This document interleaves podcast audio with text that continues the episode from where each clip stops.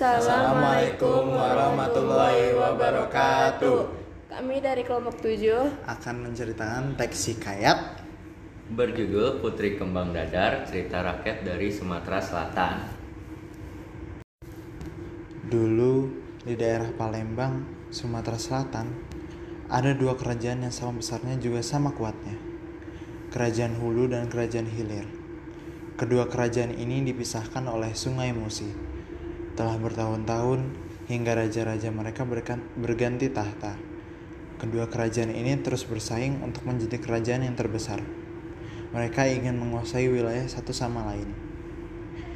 Kerajaan Hilir diperintah oleh seorang raja yang telah bertahun-tahun memerintah. Di bawah pemerintahannya, kerajaan Hilir telah serang menyerang dengan kerajaan Hulu berkali-kali. Ia punya seorang putri cantik yang lembut hatinya bernama Putri Kembang Dadar.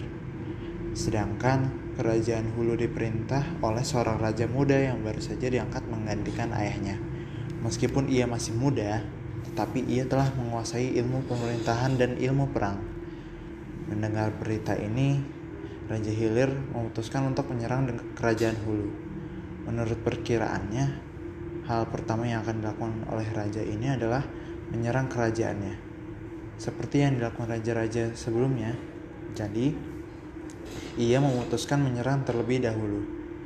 Di saat mereka lengah karena merayakan pesta penobatan raja baru mereka, sang raja bersama beberapa ahli perangnya menyiapkan strategi untuk menyerang kerajaan Hulu. Mereka memutuskan akan menyerang di malam hari. Ketika prajurit Hulu sudah lelah berpesta, setelah semua persiapan penyerangan lengkap, Raja Hilir menitahkan panglima perang terbaiknya untuk berangkat. Mereka akan menyeberangi sungai Musi lalu masuk ke wilayah Hilir melalui hutan yang gelap sehingga kedatangan mereka tidak tercium pasukan Hulu. Pasukan Hilir tidak menyangka hutan itu lebih gelap dan lebat dari yang mereka bayangkan. Hutan yang lebat dan gelapnya malam menyulitkan gerak menyulitkan gerak pasukan Hilir. Ketika akhirnya mereka akan keluar dari hutan, sang panglima bersiap memerintahkan serangan. Namun, tanpa diduganya, dalam kegelapan malam, beberapa orang bersenjata telah mengepungnya. Obor-obor dinyalakan, barulah sang panglima melihat bahwa yang mengepungnya adalah prajurit-prajurit kerajaan Hulu. Ia melihat sekeliling di hutan yang lebat itu. Para prajurit kerajaan Hulu telah berjaga. Jumlah jumlahnya pun tak kalah banyak dengan pasukannya. Pasukanmu telah kami kepung. Kata pemimpin pasukan kerajaan Hulu. Beraninya kau memasuki wilayah kami. Kau pikir kami lengah? Panglima kerajaan Hilir tidak bisa berbuat apa-apa. Strateginya salah. Pasukannya telah kalah sebelum menyerang. Menurut perhitungannya, pasukannya telah kalah jumlah. Walaupun ia berkeras melawan, ia akan kalah. Pasukannya tidak kenal pasukannya tidak tidak mengenal medan pertempuran yang berupa hutan lebat yang gelap ini. Sedangkan pasukan kerajaan Hulu tentu mengenali lika-liku hutan di daerah mereka ini. Akhirnya, sang panglima dan pasukan-pasukannya digiring ke istana Hulu. Malam itu juga, sang raja Hulu menemui mereka. Benar adanya bahwa sang raja Hulu masih muda. Namun, begitu ia memasuki ruangan, terpancarlah wibawa sang raja dari ketegasan pada raut wajahnya. Jadi, kau panglima kerajaan hilir yang hendak menyerang kami, aku bisa saja menitahkan pengawalku untuk menghabisimu dan seluruh pasukanmu. Namun, karena kau telah menyerah dan pemimpin pasukanku melapor, tidak ada satupun pasukanku yang terluka. Aku tidak akan melukaimu dan pasukanmu. Putus sang raja, sang panglima Sang panglima perang hilir tercengang. Sesungguhnya ia takut akan dihukum seperti panglima-panglima sebelumnya. Namun raja muda, muda ini sungguh bijaksana dan murah hati padanya. Pulanglah kau dan pasukanmu ke kerajaanmu. Bawa berita kekalahanmu ini. Aku bermurah hati melepaskanmu dan pasukanmu hanya kali ini. Kerajaan kami tidak lemah. Kami akan melawan jika diserang. Di kerajaan Hilir, Putri Kembang Dadar bersyukur karena pasukannya kembali dengan selamat. Betapa bijaknya Raja Hulu, tak jatuh korban seorang pun. Pasukan kita dikembalikanlah dengan selamat. Gumam sang putri kembang dadar. Namun, justru sang raja naik pita mendengar gumaman sang anak. Justru ia sangat keji dan sombong. Ia mempermalukan kita dengan perlakukan pasukan kita seperti pengecut. Ia tidak meladeni serangan kita, merasa pasukannya lebih kuat, sombong sekali. Merasa bukan tandingan kita, pasukan kita dibuatnya kalah sebelum berperang. Kerajaan lain pasti akan tertawa mendengar berita ini. Maaf Ayahanda, kali ini Ananda tidak sependapat dengan Ayahanda. Sebaiknya kita hentikan saja permusuhan yang telah berumur-umur ini. Kirimlah utusan perdamaian. Raja baru yang bijak ini pasti mengerti. Bujuk Putri Kembang Dadar.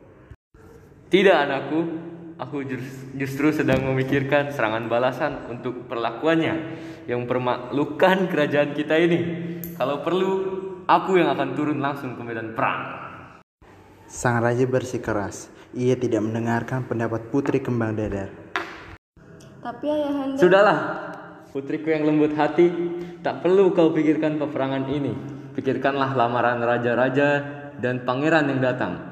Pilihlah mana yang kau suka. Sebaiknya kau segera menikah dengan seorang pemimpin yang kuat agar bisa meneruskan kejayaan kerajaan ini. Kata sang ayah sambil beranjak dari singgah sananya. Sebenarnya Putri Kembang Dada telah mencari tahu bagaimana watak pemuda-pemuda yang melamarnya itu. Sayangnya, mereka semua terkenal suka berperang untuk memper, memperkuat kerajaan mereka. Sedangkan sang putri menginginkan pemuda yang bijaksana dan mencintai kedamaian. Suatu hari, Putri Kembang Dadar mendengar kabar dari seorang dayangnya. Sambil menyisir rambut, rambut sang putri yang panjang dan hitam berkilau, ia bertanya, Tuan Putri, apakah Tuan sudah mendengar kabar dari kerajaan Hulu? Kabar apa, Dayang? Raja Hulu sedang menghimpun kekuatan untuk memusnahkan kerajaan kita. Bahkan katanya kali ini mereka dibantu kerajaan-kerajaan dari negeri lain juga. Hamba dan dayang-dayang lainnya sangat takut jika kabar itu benar. Tentulah kerajaan kita akan hancur. Lalu bagaimana nasib kami ini Tuan Putri? Sang putri ikut resah, lalu ia menghadap ayahnya untuk menanyakan kabar itu secara langsung. Sang raja telah mendengar kabar itu. Semangatnya untuk menyerang kerajaan Hulu luntur. Raja Hilir sadar bahwa kekuatan satu kerajaannya tidak akan berhenti apa-apa jika kerajaan Hulu dibantu dengan banyak kerajaan lain di Sumatera. Bahkan kabarnya, raja-raja di Jawa pun siap membantu kerajaan Hulu. Ayahanda, izinkanlah Ananda pergi dari kerajaan ini. Ananda punya sebuah rencana. Apabila berhasil, bisa menyelamatkan kerajaan ini. Kata Putri Kembang Dadar. Rencana apa itu, putriku? Tanya sang raja. Sang putri, sang putri tidak ingin meresahkan ayahnya, jadi ia menolak untuk mengatakannya. Ananda tidak bisa mengatakannya. Ananda hanya hanya minta, Ayahanda jangan mencari Ananda. Jika waktunya tiba, biar Ananda yang datang membawa keselamatan untuk kerajaan kita. Sang raja tidak punya pilihan lain dan melihat tekad anaknya yang bulat, maka ia pun merestui anaknya. Pergilah nak, ayah merestuimu. Apa pun rencanamu, semoga kau berhasil. Ayah akan menunggumu. Kata sang ayah sambil melepas anaknya dengan sedih. Setelah itu, Putri Kembang Dadar membuat banyak kue. Pakai bagi buta, ia mengganti bajunya dengan pakaian rakyat biasa, lalu pergi meninggalkan istana membawa kue-kue yang dibuatnya. Pada hari itu, Raja Hulu akan mengunjungi pasar apung di Sungai Musi untuk melihat keadaan rakyatnya secara langsung. Putri Kembang Dadar yang menyamar menjadi pedagang kue mendayung perahunya ke seberang sungai. Bahkan saat matahari belum terbit, ia ingin mendapatkan tempat terbaik di mana Raja Hulu dapat melihat keberadaannya. Ketika matahari mulai terang, tampaklah rombongan Raja Hulu di tepian sungai Musi. Para pedagang mengelulukan menyambut raja mereka. Raja Hulu mengamati keadaan pasar sambil bercakap-cakap dengan beberapa pedagang. Kecantikan putri kembang dadar yang meskipun telah memakai pakaian rakyat biasa menarik perhatian sang raja. Siapakah gadis, gadis penjual kue itu pengawal? Ia tampak berbeda dari penjual lainnya di mataku. Namun, sang pengawal tidak dapat memberikan jawaban karena ia juga baru kali ini melihat penjual kue yang begitu cantik. Sang raja dan rombongannya menghampiri kapal tempat si penjual kue. Si penjual kue memberi salam dengan sopan. Semakin jelas melihat wajah si penjual kue, semakin sang raja terpesona dengan kecantikannya. Si penjual kue memberikan bungkusan kue yang telah ia siapkan. Hamba membuat kue ini khusus untuk tuanku Raja Hulu yang baru. Jika tuan raja suka rasanya, tuanku bisa mencari hamba si penjual di sini. Setelah perjumpaan itu, sang raja bukan hanya menyukai kue buatan si penjual kue itu, tetapi juga teringat-ingat kecantikannya. Lalu, ia menyuruh pengawal untuk memanggil si penjual kue ke istana. Sebelum bertemu dengan raja, para dayang-dayang istana menyambut si penjual kue. Mereka menyampaikan bahwa raja meminta mereka untuk menyiapkan penampilan si penjual kue dengan baik. Semua ini sebagai hadiah balasan atas kue yang diberikan kepada raja. Si penjual kue tidak menolak. Ia dimandikan dalam kolam yang dilengkapi rempah dan bunga-bunga yang wangi hingga terlihatlah kulit aslinya yang bersih dan halus. Rambutnya pun kini bersih dan berkilau. Pakaian yang bagus serta perhiasan yang telah disiapkan dipakaikannya untuknya. Para dain dan perias kerajaan terpukau oleh kecantikan si penjual kue. Lalu mereka membawanya ke hadapan sang raja. Raja yang pintar ini pun tahu bahwa gadis, gadis cantik di hadapannya bukanlah sekedar penjual kue biasa. Wahai penjual kue yang cantik, siapakah kau sebenarnya? Ceritakanlah kepadaku asal-usulmu. Apakah asal-usul hamba penting untuk tuan? Hamba pikir tuan raja bukanlah orang yang membeda-bedakan orang menurut asal-usulnya. Si penjual kue menghindar menceritakan dirinya yang sebenarnya. Mereka bercakap-cakap tentang hal lain. Pertemuan ini pun membuahkan hasil yang baik. Sang putri Hilir mengenal Raja Hulu sebagai seorang yang bijaksana serta baik budinya. Raja Hulu pun mengenal si penjual kue sebagai seorang yang pintar serta lembut hatinya. Singkat cerita, sang raja segera meminang si penjual kue menjadi permaisurinya. Setelah hari pernikahan mereka, penjual kue mengaku kepada sang raja siapa dirinya sesungguhnya. Sesungguhnya, hamba adalah putri kembang dadar dari kerajaan Hilir. Hamba tidak bermaksud menipu tuanku Raja Hulu. Hamba hanya ingin kerajaan kita berdamai dengan tuanku yang bijaksana, mau membatalkan rencana penyerangan ke kerajaan Hilir. Awalnya, Raja Hulu terkejut, tetapi setelah mendengar penjelasan istrinya, ia pun mengerti. Sebenarnya aku sudah tahu bahwa kau bukanlah rakyat biasa dari tingkah laku dan budi bahasamu. Namun, aku tidak mempedulikannya karena aku yakin kau adalah gadis yang baik hatinya. Melihat tekadmu yang datang kemari untuk mempersatukan kedua kerajaan, Aku lebih kagum lagi, sesungguhnya aku tidak punya rencana untuk menyerang kerajaan Hilir. Bukankah tuanku Raja Hulu telah bekerja sama dengan banyak kerajaan untuk menyerang kerajaan Hilir?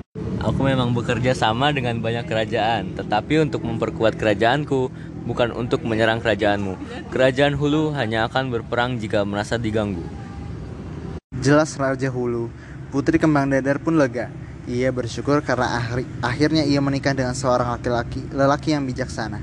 Esoknya ia mengajak suaminya, Raja Hulu, untuk menemui ayahnya dan meluruskan masalah ini. Raja Hilir senang melihat putrinya kembali. Seperti yang dijanjikannya, Putri Kembang Dendar pulang dengan membawa keselamatan untuk kerajaannya. Raja Hilir menerima ajakan perdamaian dari Raja Hulu yang kini menjadi menantunya. Tamat.